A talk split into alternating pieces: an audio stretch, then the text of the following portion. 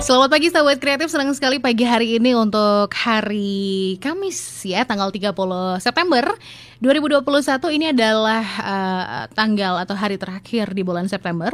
Besok sudah bulan Oktober sahabat kreatif, nggak terasa ya, waktunya kayaknya berlalu sangat-sangat cepat sekali. Ya, tapi semangatnya semoga tetap sama sahabat kreatif, semangat untuk belajar bersama dengan program belajar di area kelas inspirasi, karena kita masih akan terus menghadirkan um, mata pelajaran-mata pelajaran pelajaran yang tentunya oke, okay, kemudian juga inspirator-inspirator yang hebat gitu ya di kelas inspirasi pagi hari ini. Dan jangan lupa kamu juga bisa menyaksikan tayangan hari ini melalui live YouTube channel RRI Pro 2 Malang. Kamu bisa langsung like dan juga subscribe ya.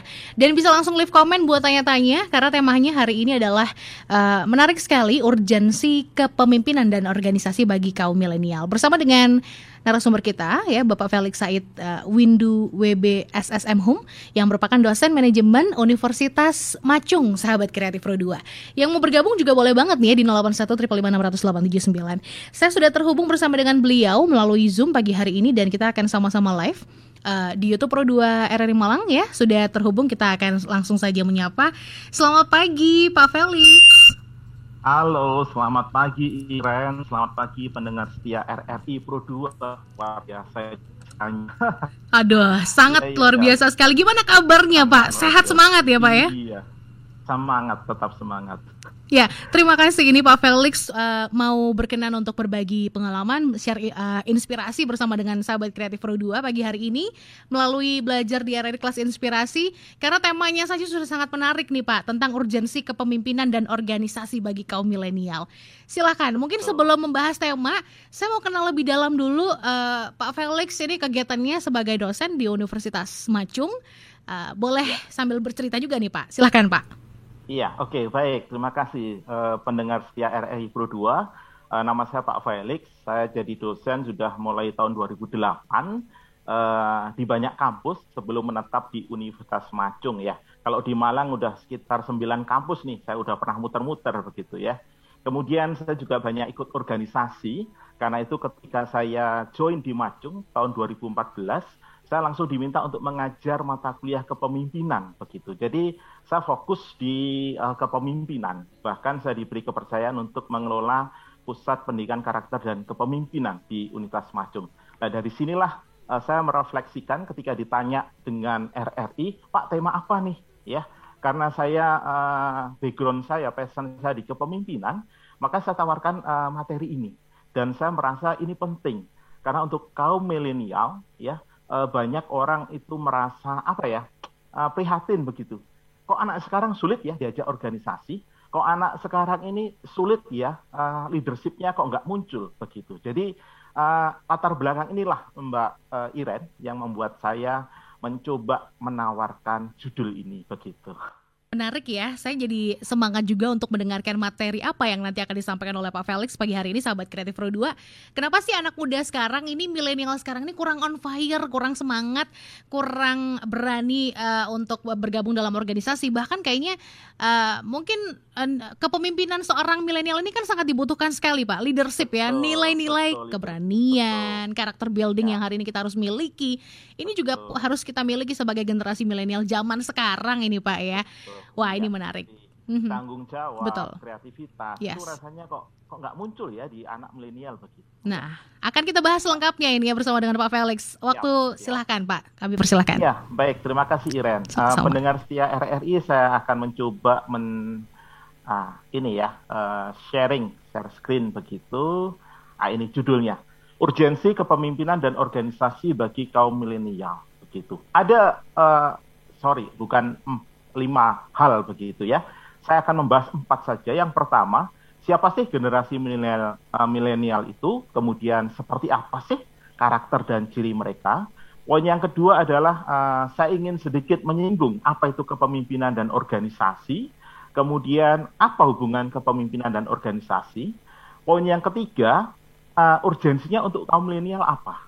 Ya, jadi kepemimpinan dan organisasi ini uh, urgensinya di mana? Poin yang terakhir adalah bagaimana kaum milenial itu memulai organisasi kepemimpinannya, ya. Oke, poin yang pertama ingin saya jelaskan siapa sih generasi milenial itu? Kita semua sudah tahu, ya. ada banyak teori ya karena ini soal uh, apa namanya akademik gitu ya pendidikan maka uh, saya tampilkan di sini uh, teori-teorinya begitu ya kita bisa memahami definisi generasi Y itu adalah generasi yang lahir di rentangan tahun 1976 sampai dengan tahun 2000 ya ini kalau ikut teorinya uh, Tapscott begitu Nah, bandingkan, nah, di sini saya memberikan uh, contoh begitu ya, teori-teori yang lain begitu. Uh, singkatnya ya mereka uh, ilmuwan ini peneliti ini mengelompokkan generasi Y yaitu rentangan tahun 76 sampai dengan tahun 2000 ya. Oke. Okay. Ah, berikutnya cirinya seperti apa sih Pak? Karakternya seperti apa sih generasi milenial itu ya? Uh, saya hanya menampilkan lima saja ya dari sekian banyak ciri. Ya, kenapa saya pilih lima ini? Karena saya ingin yang relevan dengan pembahasan kita. Ya. Oke, ciri yang pertama itu ketergantungan terhadap teknologi. Ya. Ciri yang kedua itu lebih terbuka dengan perubahan. Ciri yang ketiga itu ambisius, keempat itu skill interpersonalnya itu uh, terbatas, ya. Dan yang kelima uh, rentan terhadap stres dan depresi. Pendengar setia RRI, uh, apa sih maksudnya ketergantungan terhadap teknologi? Ya, seperti yang kita tahu, ya generasi Y atau milenial ini adalah generasi yang sudah mulai diperkenalkan dengan yang namanya gadget atau gawe. Ya, nah, mereka nyaris melakukan semua hal secara digital.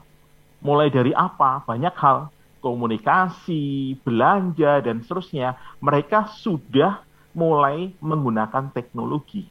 Memang tidak selekat generasi Z, generasi tahun 2000 ya, tidak selekat mereka, tetapi mereka sudah mulai menggunakan dan mulai tergantung. Ya, nah, inilah kelebihan dari generasi milenial dibandingkan generasi sebelumnya, yaitu generasi uh, X ya, yang lahir tahun 64 sampai uh, uh, 80-an begitu. Kemudian yang tadi, uh, ciri yang kedua terbuka dengan perubahan. Jadi sangat terasa sekali perbedaan generasi Y atau milenial ini dengan generasi X. Kenapa? Kalau generasi X itu suka dengan kemapanan, suka yang begini-begini saja, maka generasi uh, Y ini berbeda. Ya, mereka sudah mulai terbuka dengan perubahan, terlebih ya soal gadget tadi, ya soal gawe mereka sudah mau menggunakan. Generasi sebelumnya masih ah males ah, ah sulit ah dan seterusnya begitu. Ya.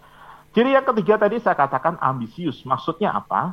Jadi orang-orang generasi milenial ini memiliki rasa percaya diri yang sangat tinggi. Ya, begitu pula dengan uh, ambisi, semangat. Mereka ini memiliki semangat yang tinggi.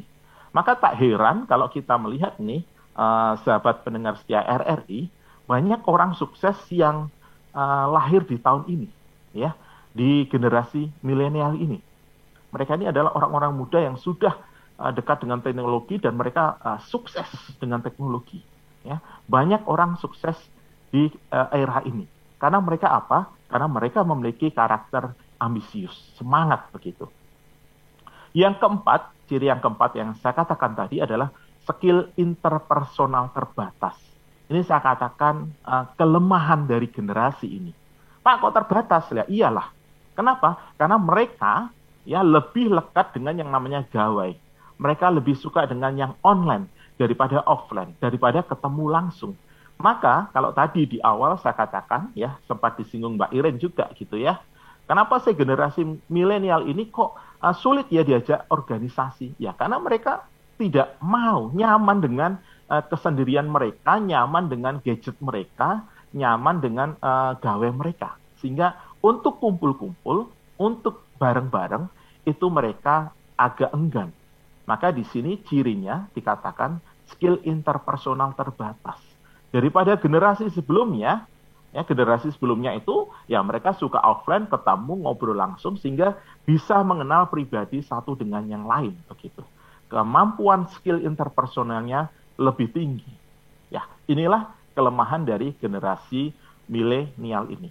Kemudian ciri yang kelima, rentan stres dan depresi. Kenapa? Ya tadi, ya, karena uh, ambisius ditambah skill interpersonalnya yang terbatas, maka kombinasi ini dapat membuat seseorang stres. Aku tuh pengen maksimal, aku tuh pengen mengejar mimpiku ya dengan maksimal, tapi aku punya kelemahan interpersonal. Siapa ya yang saya ajak ya? Ya, bagaimana nih rekan partnerku bisa aku ajak kerjasama nggak ya? Karakternya dia seperti apa? Lah ini menjadi pertanyaan besar karena mereka memiliki keterbatasan skill interpersonal. Ya, inilah uh, salah satu ya lima hal dari sekian banyak ciri khas dari generasi milenial. Berikutnya, poin kedua yang ingin saya sampaikan tadi, apa itu kepemimpinan? Ya, apa itu organisasi? Apa sih hubungannya kepemimpinan dan organisasi? Baik, saya akan secara singkat menjelaskan karena apa? Kalau kalian, uh, kalau teman-teman semuanya ya kuliah di Macung, uh, mata kuliah kepemimpinan itu satu semester sendiri. Artinya apa? Materi ini sebenarnya materi ini sebenarnya besar ya tetapi dalam waktu singkat akan saya uh, coba jelaskan oke okay. uh, eh, satu hal yang ingin saya katakan ya mengenai pemahaman kita tentang kepemimpinan kita harus bisa membedakan bahwa pemimpin dan kepemimpinan itu berbeda pemimpin dan kepemimpinan itu adalah dua hal yang sangat berbeda kalau pemimpin itu menunjuk pada orangnya pada personnya pemimpin itu adalah status jabatan, maka kepemimpinan itu adalah sebuah proses. Oke, karena ini adalah forum ilmiah, begitu ya, pendidikan, saya akan mencoba menyampaikan nih teman-teman semuanya soal teorinya. Saya hanya tampilkan empat dari sekian puluh teori tentang kepemimpinan, yaitu dari Robin, Siagian, Dubrin, dan Kartono. Kalau kita melihat, ya, ada warna pink, begitu ya, warna hijau, kuning, dan ungu di sini ya, uh, mengenai definisi kepemimpinan. Dari definisi ini kita bisa menggarisbawahi uh, uh, satu kata yang semuanya ada di dalam definisi, ya. Ada benang merahnya, yaitu kata apa? Kata kemampuan upaya usaha. Jadi, kepemimpinan itu sebenarnya ada sebuah kemampuan, sebuah upaya sebuah usaha, ya, proses. Maka di sini dinamis. Kepemimpinan itu sesuatu yang dinamis. Kemampuan apa? Proses apa? Upaya apa? Upaya mempengaruhi orang lain. Nah, di sinilah poin penting dari kepemimpinan. Mempengaruhi. Ya, maka saya bisa menyimpulkan dari banyak definisi ini, kepemimpinan itu adalah sebuah kemampuan seseorang dalam mempengaruhi orang lain. Ya, mempengaruhi orang lain untuk mencapai tujuan tertentu dengan situasinya. Ya, saya kembali kepada sebuah teori. Ya, inilah ya teori konsep dasar kepemimpinan. Kepemimpinan itu adalah relasi pemimpin pengikut dengan situasi. Ya, Ketiga relasi ini, irisannya ini disebut kepemimpinan. Maka saya tegaskan di awal tadi, pemimpin dan kepemimpinan itu berbeda. Iya, sangat berbeda.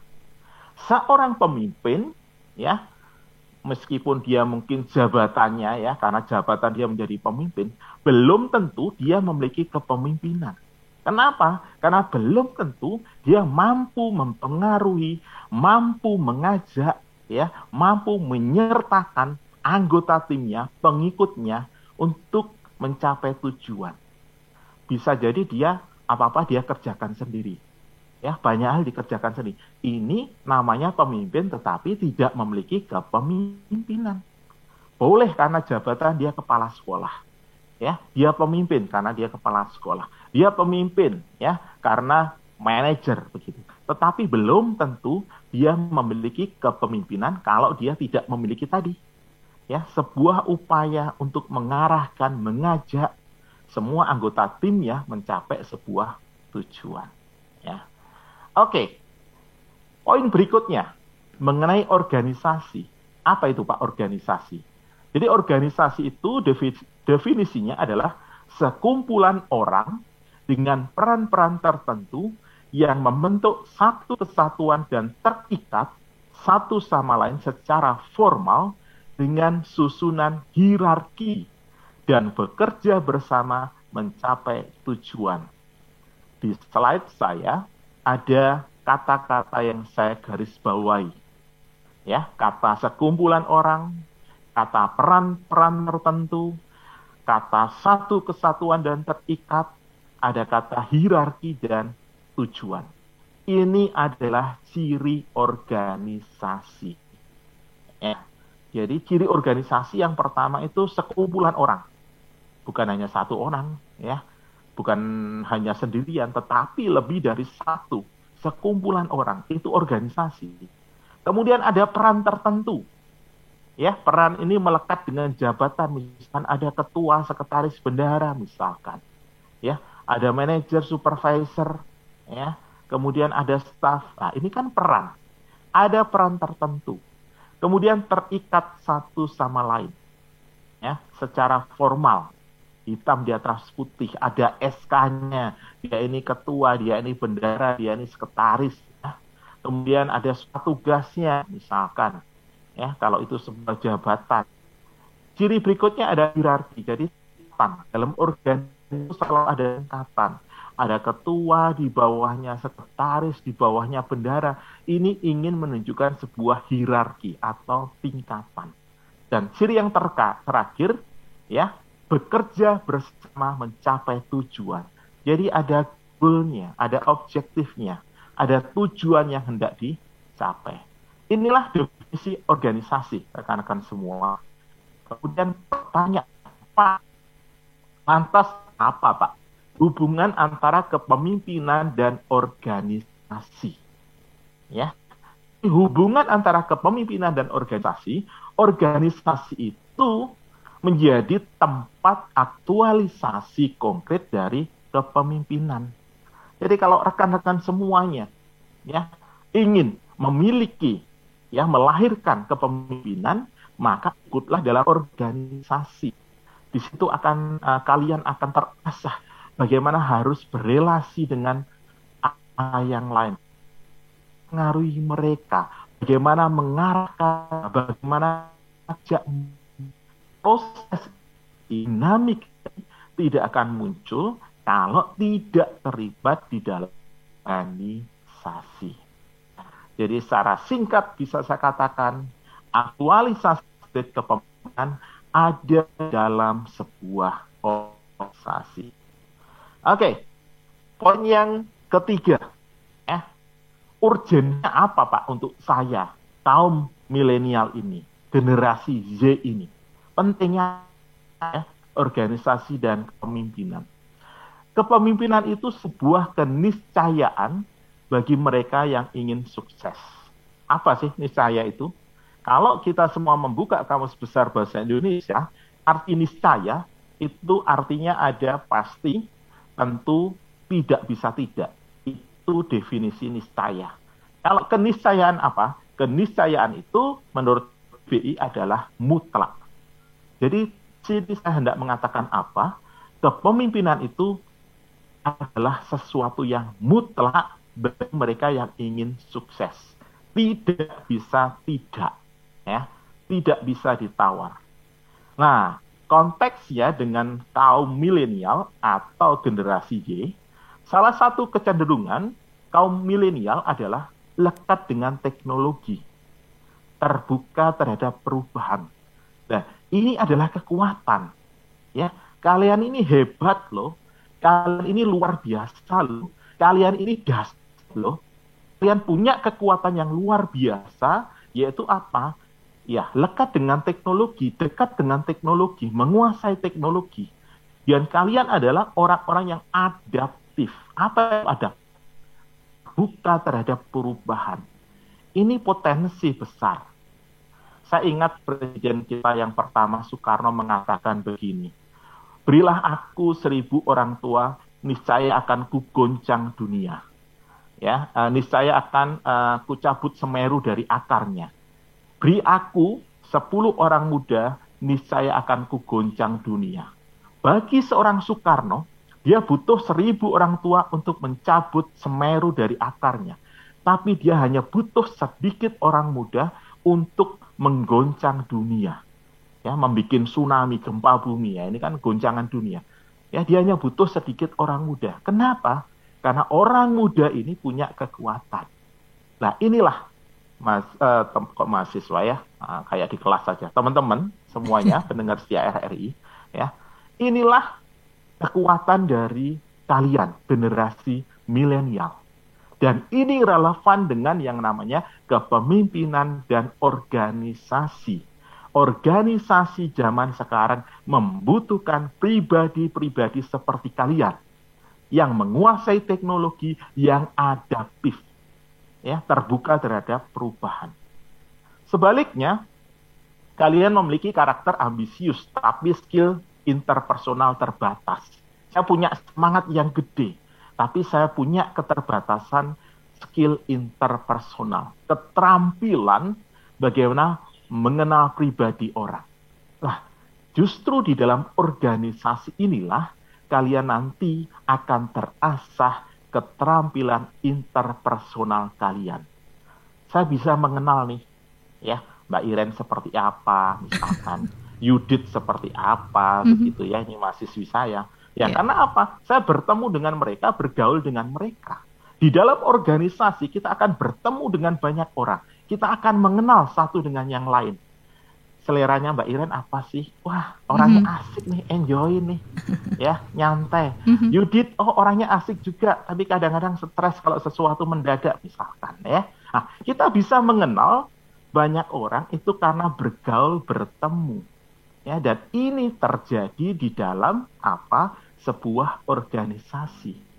Maka saya ingin menegaskan ke kalian, ayo ya kalian kaum milenial yang luar biasa Ayo ikut organisasi, ayo terlibat di dalam organisasi.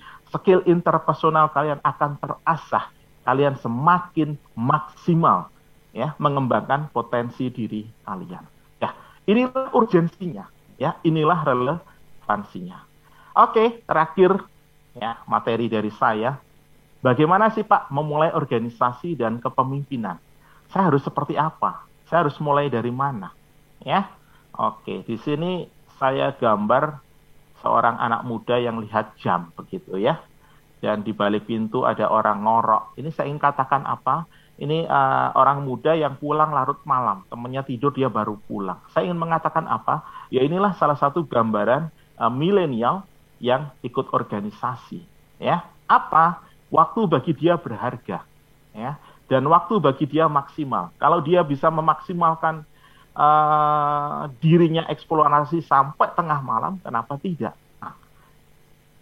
Oke, okay. tips dari saya memulai dari mana? Keluar dari zona nyaman, teman-teman.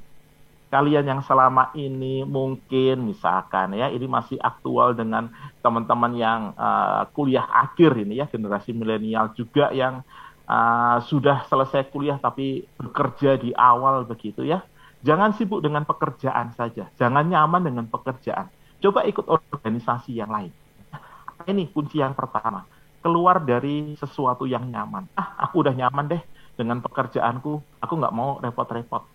Ya, oke, teman-teman. Saya sampai saat ini masih ikut banyak organisasi, banyak sekali. Mulai organisasi orang muda sampai orang organisasi orang-orang tua saya ikut forum komunikasi antar umat beragama FKUB ya yang lain tuh sudah sepuh-sepuh Pak Yai, Pastor, Pendeta tuh sepuh-sepuh. Saya termasuk yang termuda. Kenapa saya ikut? Ya, ingin meneruskan visi misi mereka. Siapa lagi kalau tidak ada yang terlibat? Ketika saya ajak teman-teman saya adik kelas saya malas harus sibuk dengan pekerjaan. Sama kalau soal pekerjaan saya juga sibuk. Dosen pekerjaan bagaimana kita bisa memanage waktu, berani keluar dari zona nyaman. Bukan begitu gitu saja, tetapi bagaimana mau keluar dari yang begitu-begitu saja. Yang dua, ikuti semua peluang organisasi. Saya yakin, ya, hampir banyak di antara kita pasti pernah kemarin, yuk ikut organisasi ini, ikut organisasi itu, begitu. Dan sering kali apa yang terjadi kita mengatakan enggak wis jangan dulu nanti dan seterusnya ya saya ingin mengajak kalian yuk Kalau tidak sekarang kapan lagi? Ya, coba aja lah incipi dulu. Incipi itu apa? Merasakan sebentar. Ya. Dan yakinlah ketika sudah masuk ya kalian akan terpesona dengan namanya organisasi. Saya belum pernah nih ya uh, dulu tidak bermimpi sering ketemu dengan wali kota misalkan. Bisa ketemu dengan wali kota kenapa? Karena ikut organisasi. Saya pernah ikut organisasi KIP, Komite Independen Pemantau Pemilu, begitu. Waktu itu saya pegang Kota Batu. Waktu itu sekali saya diundang oleh ATV untuk laporan pemantauan pemilu. Di situ dipertemukan dengan uh, wali kota yang sebelumnya begitu ya uh, suaminya Bu Dewanti waktu itu yang ngobrol di situ kenapa karena organisasi di Malang ini karena ikut forum komunikasi antar umat beragama ketemu dengan mereka ya uh, wali kota uh, Malang begitu saya ikut KNPI ya Komite Nasional Pemuda Indonesia begitu. Nah, ketika uh, dilantik yang melantik adalah wali kota juga Aka Anton waktu itu. Nah, dan seterusnya pernah ketemu dengan menteri. Kenapa? Karena ikut organisasi. Nah, ini ya, dunia kita menjadi lebih luas, menjadi lebih lebar karena ikut organisasi. Maka yuk ya, ikutlah organisasi. Ikutilah semua peluang organisasi tawaran kalian akan berkembang di sini, maksimal di sini. Yang terakhir ini hukum alam begitu ya. Kerjakan semua hal dengan maksimal. Ketika kita ikut organisasi, maka maksimalkan potensi diri kita. Ya, jangan hanya sekedar ikut-ikutan, tidak, maksimalkan. Kalau kita menuntut banyak hal mendapatkan sesuatu, tapi kita memberi sesuatu itu namanya omong kosong. Saya sering menganalogikan kepada teman-teman, oke, bayangkan kamu live in di desa, ya tidak ada PDM di sana. Ketika mandi kalian harus menimbah, ya kalian lihat baknya kosong, terus mandi pakai apa ya? Mau nggak mau nimbah. Nah, aku pengen bak di kamar mandi ini penuh, ya. Nah, kalau menimbahmu hanya separuh, maka isi dari bak juga separuh. Tapi ketika kau menimba airnya maksimal penuh, maka air yang ada di bak juga maksimal. Bagaimana mungkin kita menuntut sesuatu yang maksimal, tapi kita tidak memberikan yang maksimal. Ya, ini sudah hukum alam. Maka kerjakan semuanya secara maksimal, apa pun itu. Bukan hanya dalam organisasi, ini relevan juga di dalam kehidupan kita sehari-hari. Ya, ketika kuliah begitu, ya. Saya sering ngomong kepada mahasiswa, kalau kamu pengen dapat nilai maksimal ya kerjakan maksimal. Ya, kalau bisa malah lebih. Ya, kalau dosen minta jawaban satu lembar, kasih 10 lembar artinya itu lebih dari maksimal, maka niscaya hasilnya juga maksimal.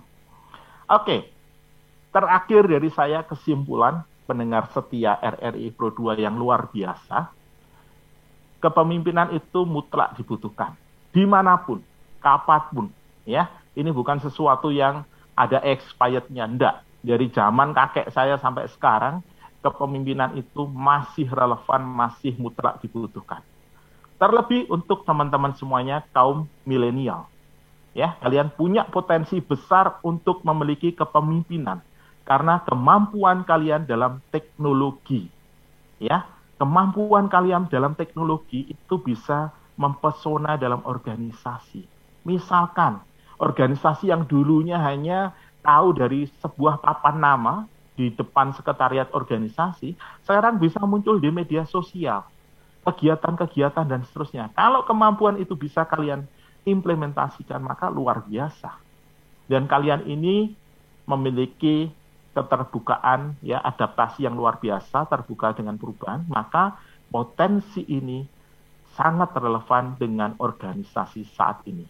Pemimpin yang luar biasa adalah pemimpin yang adaptif, menyesuaikan. Misalkan, ya, eh, saya nih di kampus misalkan, mungkin uh, pendengar pernah uh, ya tahu ya berita ya mungkin bagaimana sih mahasiswa Majung uh, waktu itu 300 orang bisa menjadi panitia nikah massal. Banyak sekali yang mau ikut. Kemudian ketika memantau pemilu, satu-satunya universitas yang memiliki izin untuk memantau pemilu begitu ya di pemilihan presiden dan pilkada. Ada sekitar 400 mahasiswa yang terlibat di sana Kenapa mahasiswa ini mampu uh, mau ikut? Ya karena kita pengaruhi, ya kita arahkan, ya kita uh, ajak begitu. Nah, ini kan butuh skill. Bagaimana mengajak seseorang, bagaimana mempengaruhi orang, ya. Nah, ini bisa kalian miliki, ya kemampuan itu karena kalian adaptif bisa menyesuaikan. Bagaimana sih kalau saya mengajak anak-anak kecil ya tentu beda dengan mengajak orang dewasa.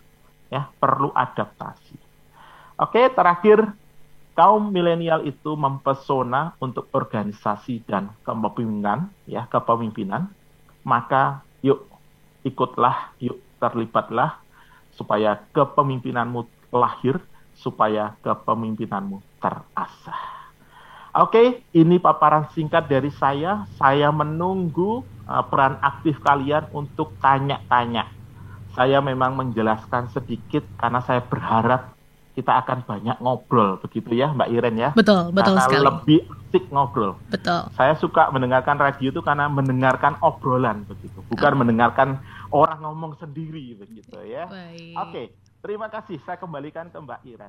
Luar biasa Pak Felix ya, tadi kayaknya hampir uh, kurang lebih 40 menit ini disampaikan, uh, tapi kayaknya saya merasa kurang karena sangat sangat sangat apa ya, sangat tertarik sekali untuk uh, one more lagi gitu dari uh, seorang Pak Felix ini materi sangat luar biasa. Namun jangan sedih Pak Felix karena sudah banyak ya, pertanyaan yang ya. masuk tapi kita akan uh, bahas nanti setelah satu sesi berikut ini kita dengarkan dulu satu lagu berikut ini Pak Felix tetap bersama kami. Siap, siap. Terima kasih. Baik sahabat kreatif kita sudah kembali di program belajar di RRI Kelas Inspirasi bersama dengan Pak Felix ya pagi hari ini kita sama-sama belajar, sama-sama sharing. Tadi banyak sekali informasi bahkan value yang jadi knowledge ya. Bagaimana sih kita tuh punya nilai kepemimpinan? Karena urgensi kepemimpinan untuk uh, generasi muda hari ini dalam kita berorganisasi bahkan nggak hanya dalam berorganisasi. Saya pikir kita harus punya nilai kepemimpinan sahabat kreatif karena bagaimana kita mau memimpin diri kita sendiri sahabat kreatif kalau kita nggak punya nilai kepemimpinan yang baik gitu ya. Jadi sebenarnya aplikasinya tuh dalam hal-hal yang sederhana tiap hari kita harus punya nilai kepemimpinan oh. agar kita bisa mendirect, mengorganize diri kita begitu ya. Ada purpose-nya ini mau ke mana nih arahnya gitu ya Pak ya. Ya. ya. Oke, okay, ada beberapa pertanyaan yang sudah masuk di YouTube pagi hari ini. Uh, cukup banyak antusiasnya. Saya akan baca dulu. Pertama ini ada yang menyapa di YouTube kita pagi hari ini Antono Wahyudi. Wah, ada Pak Felix nih. Mantep, Pak. Waduh. Saya setuju loh. First impression ketemu Bapak meskipun harus melalui Zoom pagi hari ini, kayaknya good vibes banget gitu ya, Pak ya. Biarpun kita nggak meet personal tapi yes. luar biasa banget ini Pak Felix. Ini bisa kayak sedang mempengaruhi kita untuk wow, ya kayak sedang mentransfer energi yang positif sekali. Terima kasih banyak nih Pak Felix ya. Mbak. Harus Betul, harus mempesona ya. Oke, okay, ada pertanyaan selanjutnya selanjutnya di YouTube Sylvia Amelia selamat pagi izin bertanya Pak bagaimana cara atau aspek apa saja yang membuat kita bisa menilai seorang generasi milenial itu punya kemampuan kepemimpinan terima kasih Oke, baik. Terima kasih, Amel. Pertanyaan yang luar biasa. Bagaimana sih saya bisa melihat generasi milenial ini punya kepemimpinan? Ya, saya pernah dicurhat ini teman saya yang dari manajer. Waduh, Lek, aku bingung nih rekrut pegawai yang uh, milenial ini kok sulit ya diajak begini begitu dan seterusnya kok kayaknya nggak punya kepemimpinan lah pertanyaan kok nggak ada kepemimpinan melihatnya dari apa jadi sebenarnya kepemimpinan itu sederhananya bisa kita pahami bagaimana seseorang itu ya bisa melakukan sesuatu yang harus dia lakukan ya. Misalkan saya sebagai resepsionis saya harus apa? Jobdesknya apa? Pekerjaannya apa? Saya sebagai misalkan bukan resepsionis yang lain. Misalkan saya sebagai uh, penyiar gitu. Misalkan di RRI gitu ya. Nah, job apa ya? Nah, ketika kita mampu membawa diri kita ke tujuan ya itu namanya kepemimpinan. Nah untuk mencapai tujuan seperti apa caranya? Yaitu tadi harus berrelasi dengan orang lain harus bekerja sama dengan orang lain harus bertemu dengan orang lain. Nah bagaimana kita bisa mengajak orang lain untuk sampai kepada tujuan kita? Yaitu tadi mempengaruhi mengajak melibatkan. Nah ini kan Eh, proses-proses uh, dinamika di dalam kepemimpinan. Kalau saya ingin menjadi, misalkan tadi resepsionis yang baik, begitu ya, uh, menerima tamu, mengarahkan tamu, membuat tamu kerasan, begitu kan kita tidak sendirian. Kita harus sinergi dengan yang lain, bekerja dengan orang lain. Maka proses itulah ya yang terjadi mengharuskan kepemimpinan. Bagaimana? Eh itu ada mau tamu datang, yuk bagaimana kamu uh, bisa nggak uh, putarkan musik misalkan? Bisa nggak kamu bersihkan ruangan ini? Bisa nggak kamu siapkan uh, ruang tamunya? Ya ada bunga dan seterusnya lah. Mengajak orang lain, melibatkan orang lain, mengarahkan orang lain, ini adalah leadership. Uh, Amel uh, yang tanya tadi ya, mm-hmm. bagaimana mm-hmm. nilai itu ada uh, di generasi ini? Ya, itu tadi muncul nggak? Bagaimana dia mengajak orang lain, melibatkan orang lain, mempengaruhi orang, orang lain. Proses itu ada nggak dalam uh, dirinya dia? Saya pernah uh, di uh, begini ya uh, dari HRD uh, Sayap Mas Utama, direkturnya ini, PT sama Mas Utama di Jakarta. Ya, saya tanya, kenapa sih uh, uh, perusahaan ini mau merekrut mahasiswa kami? Apa kelebihan dari mahasiswa kami? Kok sampai mau memberikan beasiswa? leadershipnya ada Pak. Saya tanya, konkretnya apa Bu? Kok leadershipnya ada? Sederhana Pak, saya merekrut uh, orang lulusan baru. ya. Kemudian saya minta, uh, Mas besok kita akan rapat. ya Siapkan. Perintahnya jelas, siapkan. Eh dia masih bingung, gimana Bu untuk menyiapkan? Apakah saya harus mengemailkan uh, ke orang-orang supaya datang, terus tempatnya di mana pun? Ya, dia tidak punya inisiatif. Ya, nah, dia katakan kalau saya kasih perintah itu ke lulusan macung, meskipun dia orang baru, dia katakan siap dan dia bisa lakukan. Artinya, untuk mencapai tujuan, si anak ini punya cara, ya, punya strategi untuk sampai ke sana. Dia melibatkan orang lain, kemudian uh, berkomunikasi dengan orang lain. Nah, ini kan leadership, ya. Oke, Amel, itu jawaban dari ya. saya. Saya berharap uh, bisa ditangkap. Baik. Gitu. Ya, oke. Okay. Selanjutnya ada lagi pertanyaan dari Cynthia Sia. Pagi saya mau tanya, apakah semua orang pasti memiliki kemampuan uh, memimpin? Oke. Okay. Apakah semua orang pasti punya kemampuan memimpin? Ya, untuk kemampuan saya katakan belum tentu karena itu sebuah proses seperti yang uh, statement yang saya katakan di awal tadi ketika menjelaskan kepemimpinan, pemimpin dan kepemimpinan itu berbeda. Boleh dia namanya kepala sekolah, boleh dia namanya manajer, karena status dia adalah pemimpin. Apakah dia memiliki kepemimpinan? Pasti memiliki kepemimpinan. Belum tentu. Ya, karena kepemimpinan itu proses upaya bagaimana dia melibatkan orang lain. Kalau semuanya dikerjakan sendiri, orang bilang apa itu single factor gitu ya, dikerjakan sendiri. Ya, dia memang pemimpin, mhm. tetapi mm -hmm. dia tidak memiliki kepemimpinan. Okay. Dan ini banyak sekali. Betul. Saya mendapatkan cerita curhat dari teman-teman yang uh, bekerja jadi HRD gitu yeah. ya iya. di sebuah perusahaan. Ya, dia rekrut generasi milenial. Waduh, anak ini uh, katanya dia dulu pernah uh, jadi supervisor begitu, tapi di sini kok kayaknya dia cocoknya di staff bukan supervisor. Yeah. Lah apa-apa dikerjakan sendiri. Yeah. Dia tidak bisa mendelegasikan, dia mm. tidak bisa mengajak stafnya, mm. anggota timnya. Ya, ah, ini. Jadi uh, betul yang saya katakan tadi gitu ya. Boleh jadi dia pemimpin tapi belum tentu punya kepemimpinan. Ya, karena itu sebuah proses, tidak otomatis. Baik. Begitu, Mbak Iren. Semoga menjawab. Mm -hmm. Saya setuju sekali bahwa banyak pemimpin, namun belum tentu punya nilai kepemimpinan ya. Nilai kepemimpin, oh. uh, kepemimpinan tadi seperti yang disampaikan Pak Felix yang saya tangkap adalah bisa uh, mendirect, bisa mengorganize oh, timnya dalam dalam menjadi apa ya? Jadi teamwork itu punya kekuatan gitu.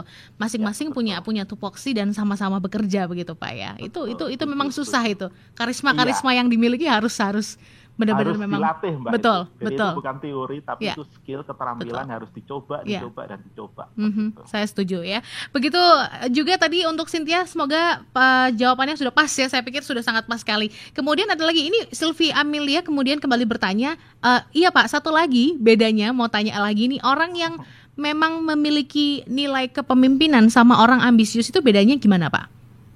Oke, okay, jadi ambisius dengan kepemimpinan.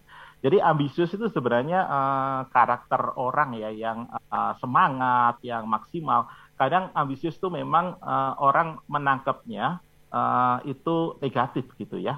Padahal ambisius itu sebenarnya adalah semangat orang yang uh, punya semangat tinggi. Okay. Jadi salah satu kriteria uh, karakter yang saya tangkap dari generasi milenial itu adalah orang-orang yang semangatnya tinggi, mm-hmm. ambisius begitu. Nah, sebenarnya ini adalah salah satu hal ya instrumen yang dibutuhkan dalam kepemimpinan Ya, jadi bedanya dengan kepemimpinan apa? Ini menjadi instrumen uh, dari proses kepemimpinan. Kalau saya ingin mempengaruhi orang lain, saya butuh karakter ambisius, semangat.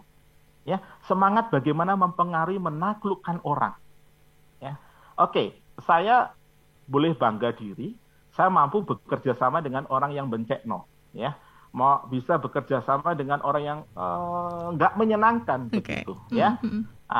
meskipun mungkin itu bisa jadi pemimpin saya begitu ya atasan kita mungkin betul, ya betul. tetapi ketika kita mampu menaklukkan itu itu kepemimpinan yang luar biasa bisa bekerja sama dengan orang yang sulit dengan orang yang tidak menyenangkan ya bahasanya teman-teman mahasiswa itu mencekno begitu itu justru sesuatu yang luar biasa. Saya akan kasih jempol dua ya untuk kepemimpinan yang seperti itu. Bisa bekerja sama dengan anggota tim yang nggak baik. Nah ini tantangannya luar biasa lah. Ini butuh yang namanya ambisius, semangat. Ya, waduh orang ini rek, ya saya harus memulai lagi. Jangan patah semangat. Jadi bagaimana harus mengulangi lagi, semangat lagi. Nah, jadi ini uh, uh, sahabat kreatif tadi yang tanya, uh, apa hubungannya ambisius dengan kepemimpinan. Ini salah satu instrumen penting. Yeah. Dan ini kalian miliki generasi okay. milenial. Hmm. Kalian mm-hmm. punya karakter ini dan itu sesuatu yang luar biasa. Kalau nggak diasah, nggak dipakai eman maka pakailah itu. Betul. Untuk menaklukkan orang-orang yang sulit begitu. Betul ya. Saya setuju nih. Jadi memang ketika kita bekerja dalam sebuah tim tidak semua orang pasti akan menyenangkan ya, Pak ya. Betul. Akan ketemu orang-orang yang kayaknya uh gitu, kayaknya hmm. gemes gitu, Pak ya. Gemes Gak ya. sefrekuensi. Tapi sebenarnya bagaimana kemudian kita membangun atau mentreat dia sehingga kemudian Betul. dia uh, timbul rasa untuk kemudian bisa bekerja sama dengan baik. Kan sebenarnya itu gimana cara ya. kita chemistry kawin dulu pak ya chemistry-nya. Betul betul, betul. Mm -hmm. ya. Bahasa saya menaklukkan dia. Menaklukkan. Kita taklukkan. Betul. Menaklukkan betul. dia untuk bisa join bersama, ya. kolaborasi bersama. Ya, oke. Okay. Jadi tidak ada yang tidak mungkin selama kita juga bisa uh, berkolaborasi dengan orang tersebut menaklukkannya itu tadi ada treatmentnya ya. begitu ya, betul, dan harus betul. proses by proses, ya. proses ya. Oke. Okay. Itu nggak ada teorinya, mbak. Iya, betul kalau pengalaman saya proses gimana kamu bisa melakukan mm -hmm. gimana ya ya kamu harus latih betul harus bertemu dengan dia mm -hmm. harus bagaimana mm -hmm. begitu ya harus dibenturkan ya gitu. mempelajari personalnya mungkin di awal kita akan terbentur pak ya karena kadang-kadang kalau kita ketemu dengan orang yang seperti itu wah kayak nggak cocok nih kita satu tim itu tapi ya. kan mau tidak mau seorang pemimpin itu ya. tidak akan memiliki semua anak buah yang karakternya sama positif ya. ada juga kadang-kadang yang mungkin uh, ya mungkin kurang passion kurang on fire gitu ya gimana caranya ya. kita untuk ambisius untuk bisa uh, menaklukkan mereka mereka. Oke okay, ya. Pertanyaan selanjutnya ini ada lagi dari um, uh, Naira Nana. Selamat pagi, saya mau bertanya apakah seorang pemimpin dapat dilihat dari segi karisma atau sifatnya? Lalu sifat yang menunjukkan seorang pemimpin itu yang seperti apa ya? Terima kasih. Oke, menarik. Sifat dan karisma. Jadi itu sering kali ditanyakan oleh mahasiswa saya juga gitu. Pak, apakah pemimpin itu sebenarnya uh, dilahirkan, jadi dia memang lahir sudah berkarisma, mm -hmm. jadi pemimpin, ataukah uh, kepemimpinan itu sebuah proses kita bisa belajar begitu ya? Saya katakan dua-duanya benar. Dua-duanya benar itu apa? Kadang orang lahir sudah punya kemampuan untuk mempesona, okay. ya, mempengaruhi orang, mengajak orang lain. Itu lahir dia sudah punya seperti itu. Tapi itu juga bisa uh, dilatih begitu. Jadi bisa dilatih, bisa dicoba begitu. Ya, saya secara pribadi uh, dulu waktu SD SMP ikut uh, tes apa itu namanya uh, psikologi begitu ya. Saya itu termasuk orang yang introvert begitu, orang yang pendiam begitu. Ya karena saya harus ditempa di dalam sebuah proses, saya harus hidup di asrama, tinggal dengan banyak orang, maka mau nggak mau lingkungan membentuk saya menjadi orang yang ekstrovert, okay. bisa bercerita, tidak mm. lagi. Tetapi kecenderungan itu tetap ada. Yeah. Kadang-kadang diem, bisa nggak ngomong itu bisa tiga hari, empat hari, saya bisa juga. Mm. Karena itu bawaan dari lahir. Yeah. Tetapi orang akan melihat saya orang ekstrovert, wah pintar ngomong, wah temennya banyak begitu. Ya karena proses. Okay. Ya ini mm. ingin meyakinkan tadi, ya bagaimana Pak, apakah kepemimpinan itu karisma dari lahir ataukah uh, sebuah proses? Dua-duanya betul. Hmm. Ya, kalau kita memang ingin berproses tapi dari lahir sudah punya karisma, maka proses itu menjadi maksimal. Mungkin saya yang tidak berkarisma, saya butuh 10 tahun untuk bisa memiliki leadership. Tapi orang yang sudah lahir punya karisma kepemimpinan, hmm. dia butuh mengasah mungkin satu tahun, dua tahun udah jadi. Nah, di sinilah letak perbedaannya begitu. Tapi semuanya sebisa mungkin. Saya sangat kagum dengan beberapa pemimpin ya, saya sering cerita ke mahasiswa ya, pemimpin ini nggak bisa ngomong, tapi dia bisa ngomong kenapa ya? Dia latihan ya. Seperti Barack Obama sebelum pidato, wah saya lihat prosesnya dia sebelum berpidato ya, pidato dia kan sangat mempesona ya bagi Betul. saya. Itu mm -hmm. latihan ternyata. Ada ahlinya Mbak Iren. Okay. Nah ini kan proses. Mm -hmm. Obama tidak bisa tiba-tiba mempesona, enggak yeah. dia latihan, mm -hmm. ada proses. Mm -hmm gitu. Oke. Okay. Jadi ada teknik komunikasi yang harus kita hidangkan begitu kepada orang oh. sehingga kita bisa mendirect apa ya menyampaikan pesan yang pengen kita sampaikan kepada mereka dalam sebuah tim ataupun mengorganize orang ya. Ya, ya kayak teman-teman Mbak ya. Iren dan teman-teman lah di mm -hmm di radio begitu kan. Uh, semua penyiar radio itu mempesona, saya yakin lah. Prosesnya untuk mempesona itu kan ada yang cepat, ada -hmm. yang dari lahir sudah cacis sehingga cepat sekali untuk trainingnya begitu kan.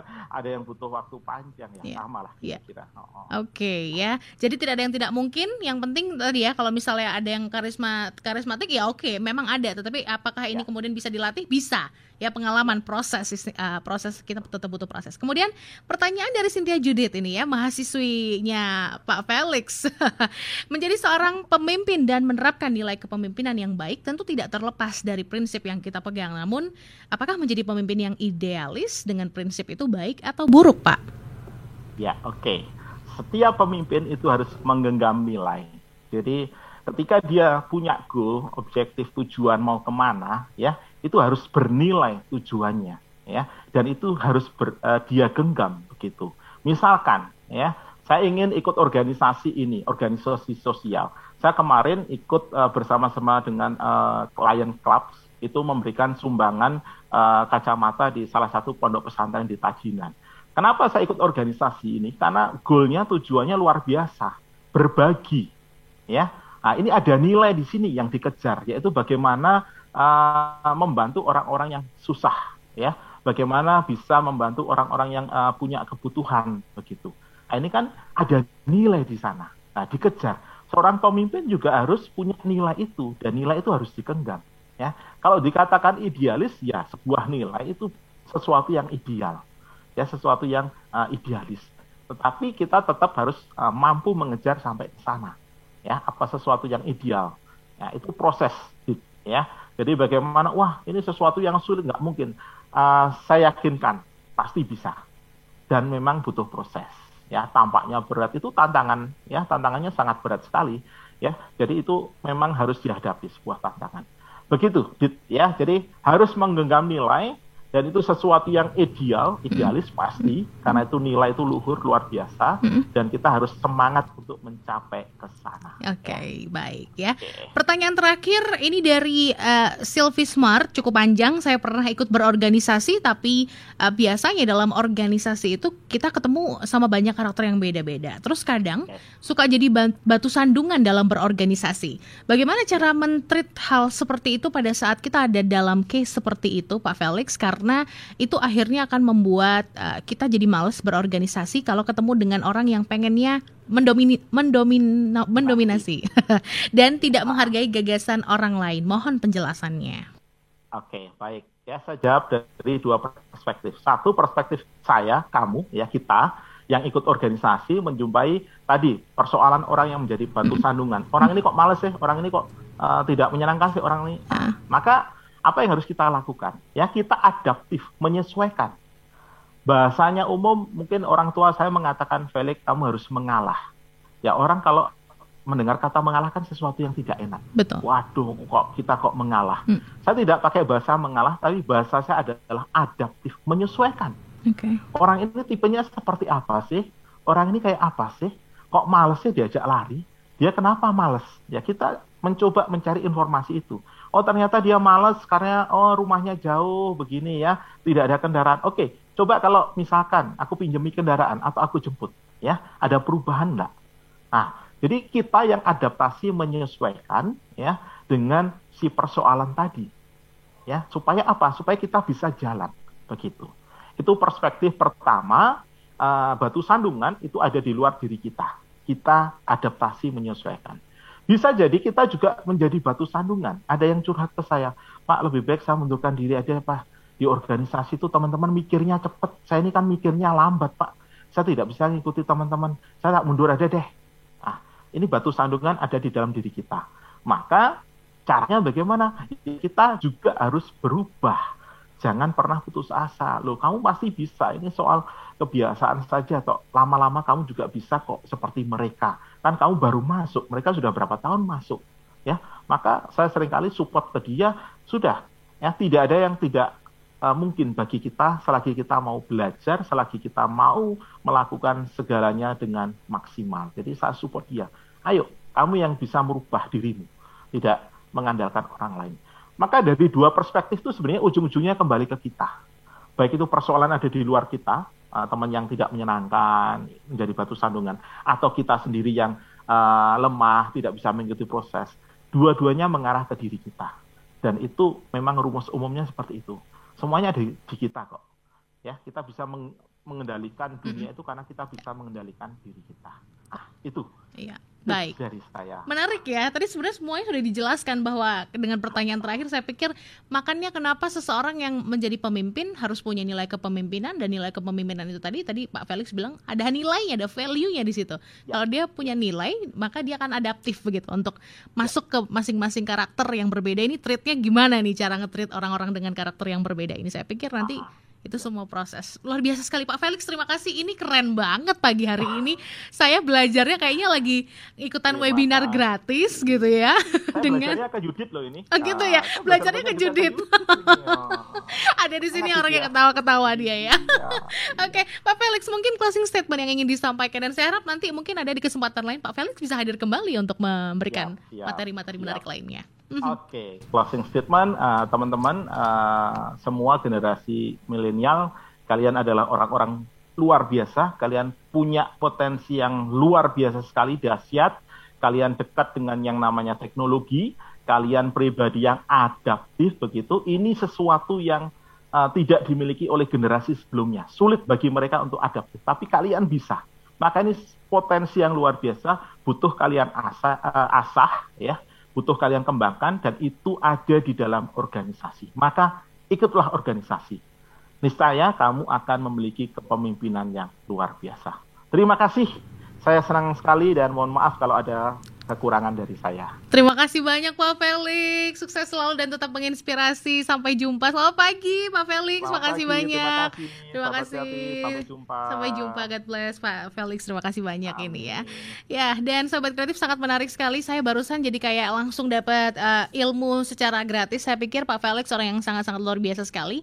Pagi hari ini mungkin perjumpaannya melalui Zoom tapi good vibes-nya akan terus kerasa ini ya. Semoga nanti di episode-episode lainnya kita masih bisa menghadirkan beliau sahabat sahabat kreatif di program belajar di RRI kelas inspirasi dengan materi-materi yang lebih menarik ya untuk anak-anak muda generasi milenial agar kita boleh uh, termotivasi dan terinspirasi untuk memiliki nilai kepemimpinan bahkan hal-hal yang lain ya yang pokoknya positif untuk membangun diri kita lebih baik ke depan. Ini adalah akhir dari program belajar di arah kelas inspirasi bersama dengan Pak Felix dengan tema urgensi kepemimpinan dan organisasi bagi kaum milenial. Terima kasih yang sudah menyaksikan, terima kasih yang sudah bergabung eh, memberikan atensi melalui pertanyaan-pertanyaan di YouTube Pro 2 Malang. Jangan lupa like dan juga subscribe dan terus saksikan program belajar di arah kelas inspirasi